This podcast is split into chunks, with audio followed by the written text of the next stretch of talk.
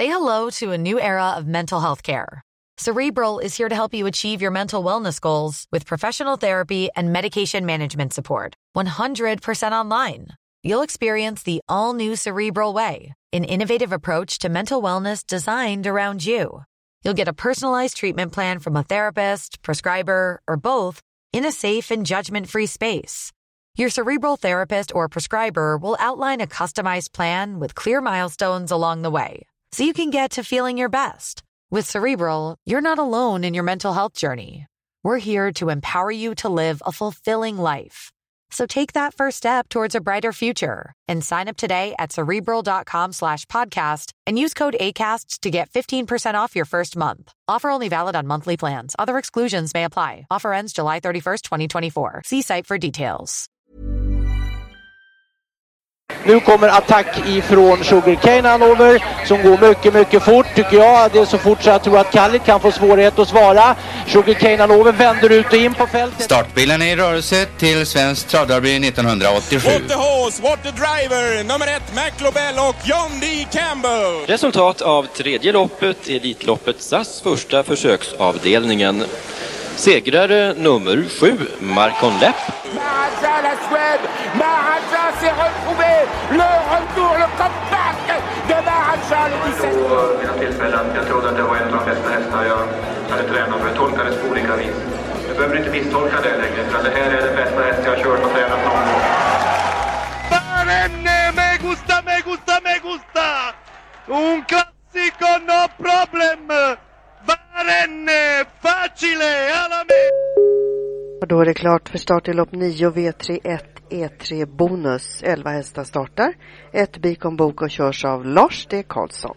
1. Juviality kommer att ge sig först in på upploppet i Storchampionatet 2023. Ut ett spår 3 Joy Sisu via tredje spår 4 Queen Belina. 1. Juviality. Här kommer 3 Joy Sisu och kopplar ett grepp här med hundringen till mål. 3 Joy Sisu. Ut ett spår även 9 Jennifer Sisu. Men det är väl in mot mål. 3 Joy Sisu. Mika Fors vinner.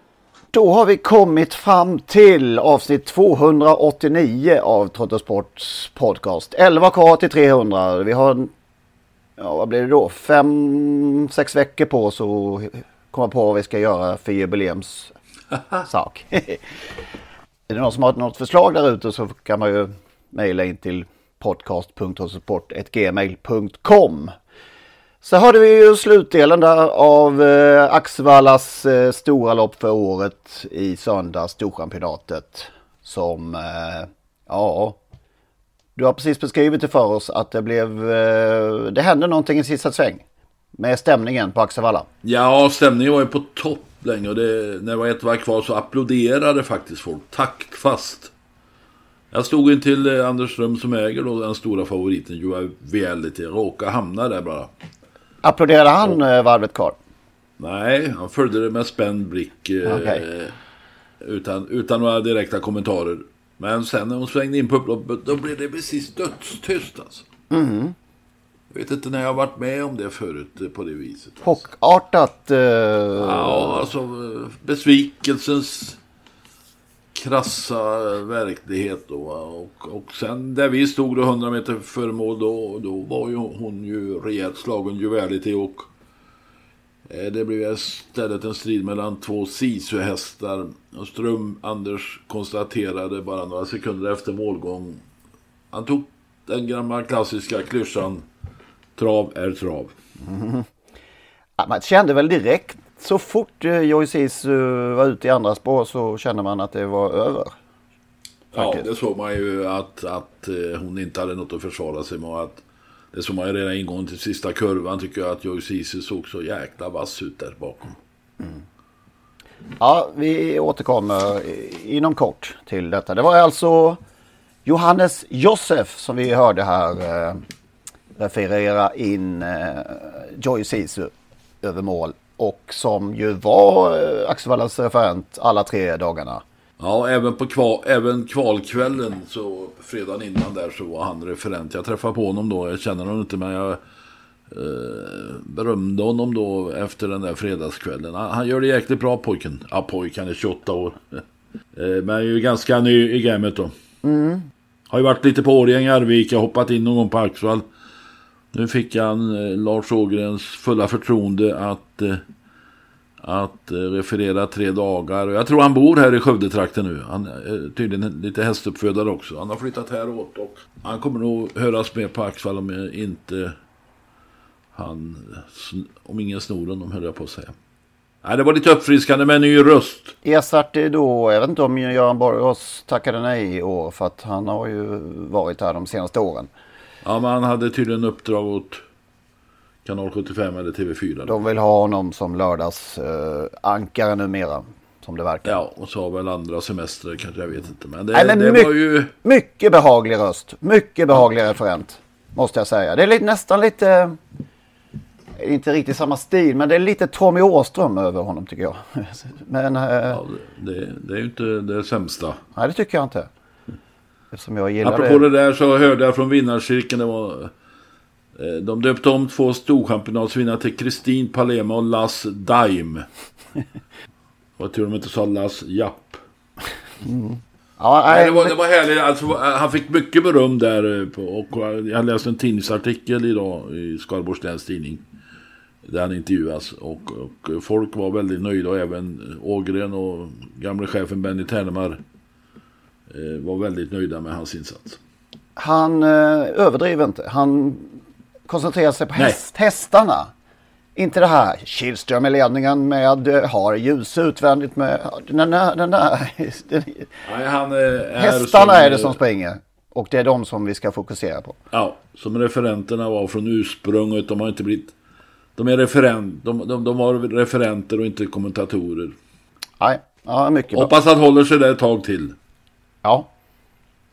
Nej, men innan vi fortsätter. Vi pratade ju, jag vet inte hur vi kom in på det. Jo, det var ju en häst som hette för tusan Esposito. Det var ju på V75 i lördags va? Nej, det var i, eh, i Eskilstuna förra onsdagen i samband med Det var en som Magnus dömde ut mer eller mindre. Ja, just det. Så han var det. Sprang i amerikansk sprang. Just det. Ja, men då kommer vi ju in på ehm, ja, vem vi tror att eh, hästen är namngiven efter. Det är en gissning det får vi nog alltid, det, det, får vi utgå ifrån att den är. Vi, vi, vi gör ju det helt enkelt. Och ja. vi gör lite försiktigt uttryckte att eh, det möjligt, möjligen inte var den allra snällaste som vi har sett på en ishockeyplan. Nej, precis. Det kan man väl lugnt säga att det är så var så. Sen råkade jag komma över, det var, slumpade sig mest, att jag kom in på ett eh, YouTube-klipp eh, från VM i Wien 1977. Och jag tycker faktiskt att som en uppföljning av detta Esposito Surr så kan vi lyssna på det. Vi hade ett ganska bra lag, ett spännande lag, ett intressant lag.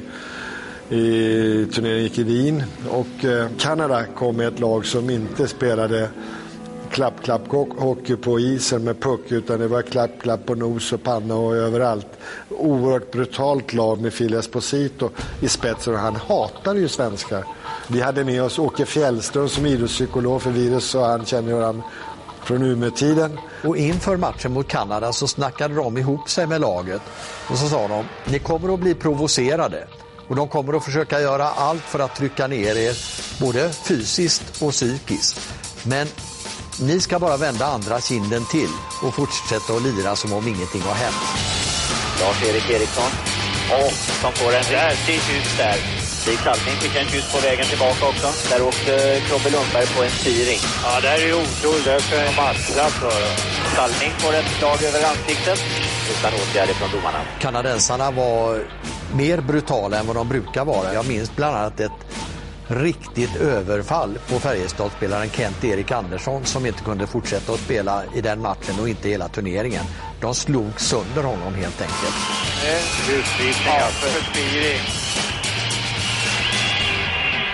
Och svenskarna fortsätter att vända andra kinden till. Det blev ingen match, det blev 7-0 till Kanada. Jag blev ivägskickad dagen efter matchen till den kanadensiska träningen för att höra deras förklaring till varför de spelade som de hade gjort. Så brutalt och så hänsynslöst. Och eh, tog mig fram till eh, överbusen Phil Esposito som nog hade varit värst av alla. Och så sa jag jag skulle gärna vilja göra en intervju. Ja, visst, sa han. Och så sa han efter ett tag, eh, vilken eh, tv-station kommer du ifrån? Swedish Television, sa jag. Och då spände han ögonen i mig och så sa han, dra härifrån, annars slår jag ner dig också. Så att eh, det blev ingen intervju och eh, jag tog mig ganska hastigt därifrån för jag är övertygad om att han hade nitat mig annars. Ja, det var lite mer än åt det hållet än vad jag då eh, insinuerade. Här tar de ju in något alldeles väldigt brutalt och det var rena kriget och det var överfall. Och skulle tydligen vara mycket ful denna Phil Esposito. Alltså, ja, alltså rikt, det... riktigt så illa mindes inte jag det faktiskt. Nej, det, jag var ju lite mild och sa att han var en spjuver och jämförde honom med lite med Ilja Nastasi ja, tennis där och skoja va? men han har ju en bror också, eller hade, eh, Tony Esposito som ju gick bort för två år sedan, 2021. En yngre bror hade han och eh, han var ju mycket mildare i sin framtoning och lite sådär. Sen ska man säga att Phil Esposito kan också skoja till det. Det finns mycket klipp. Han blev ju tv-kommentator bland mycket annat eh, efter sin karriär då. Så att han har ju talets gåva och kan vara rolig också. Men de här matchbilderna som, som man fick se i det klippet vi hörde nu, det var inga vackra grejer. Och det var ju inte enda gången de betedde sig så, så att han var en, eh, en buse också. Duktig hockeyspelare, men eh, hård. Mm. Konstigt är att jag minns ganska mycket av den här VM-turneringen på den tiden man kollade hockey, höll jag på sig. Eh, men det var nog den första turneringen för mig som satte sig ordentligt i och med att vi slog eh, Sovjet två gånger under den här turneringen faktiskt. Och tog silver. Arne Hegerfors och Ankan Palmström var det ju vi hörde här klippet från. Ska vi ta oss tillbaka till Axevalla? Hur hade du det på platserna, Lennart? Utmärkt. Igen. Mm. Jag eh, fick lite sån där wow-känsla wow förra helgen redan när Årgäng och Axevalla fredagen där med. Och det här blev ju minst lika bra. Bra väder. Nyblodad tand? Eller ja, nyblod... är det så? Nej. Ja, nyblodad tand, okej. Okay. Men det var väldigt, väldigt trevligt. Och återigen träff med glada, upprymda människor. Och Upp, gamla... Förfriskade gamla människor, stod det jag skulle säga. Förlåt? Förfriskade människor. Nej, nej, det var inte så farligt faktiskt. I alla fall inte. Det blev senare på lördagskvällen när Börje Apelsin dök upp tror jag. Men, mm. nej men äh, träffa gamla vänner och äh, människor man inte har sett på jättelänge. Träffade bland annat äh, Dolk, Kenneth Dolk. Ni minns han som ägde The Onion och Make the Knife. Och så Bosse Näslund naturligtvis som då fick en utmärkelse som jag var lite inblandad i. Han blev invald i Skara Hall of Fame. Och ja, många, många andra. Så att det var väldigt, väldigt trivsamt. Ja, och inget regn va, i stort sett? Nej, det klarade sig. Det kom någon liten, några droppar. De hade jättetur med vädret. Alltså, idag här i Skövde så har det ju regnat hela dagen. Sen hade, och det bidrog väl kanske men de hade ju nästan ofattbara publiksiffror de där tre dagarna. Vad blev det till slut? Totalt? Ja, 21 600. Ja. Och och det interna målet var väl att passera 20 000 och då hade de nog, tror jag, själva tagit i lite. Men det, det blev ju med råge. Alltså. Så att eh, det var 15 000 året innan. Och detta, alltså, det, de lyckades faktiskt eh, med detta utan att Johan Lindberg var dragplåstret. Det var, det, det var inte som på gamla goda tiden eh, såklart. Nej, Då var man väl uppe. Det, det, kan, det behöver vi inte ens beröra egentligen för att det kommer vi aldrig att nå. Så är det ju va. Nej, Men det var ju fullt där på nästan fullt på campingen och, och tre dagar. Eh, sen såg jag någon debatt, eller, debatt på sociala medier. Man, man borde ta ner, ta bort söndagen och låta Storkampen gå på lördagen. Standardargumentet från en, från en del. Känns det ja, som. så är det ju. Det, det dyker upp varje år. Det var 7000 på söndag eh, nu då. Va? Så att det... Och som sagt, kamparna är väl kvar de flesta. Ja, jag tänkte bara om, om man nu skulle göra så och bara tävla två dagar.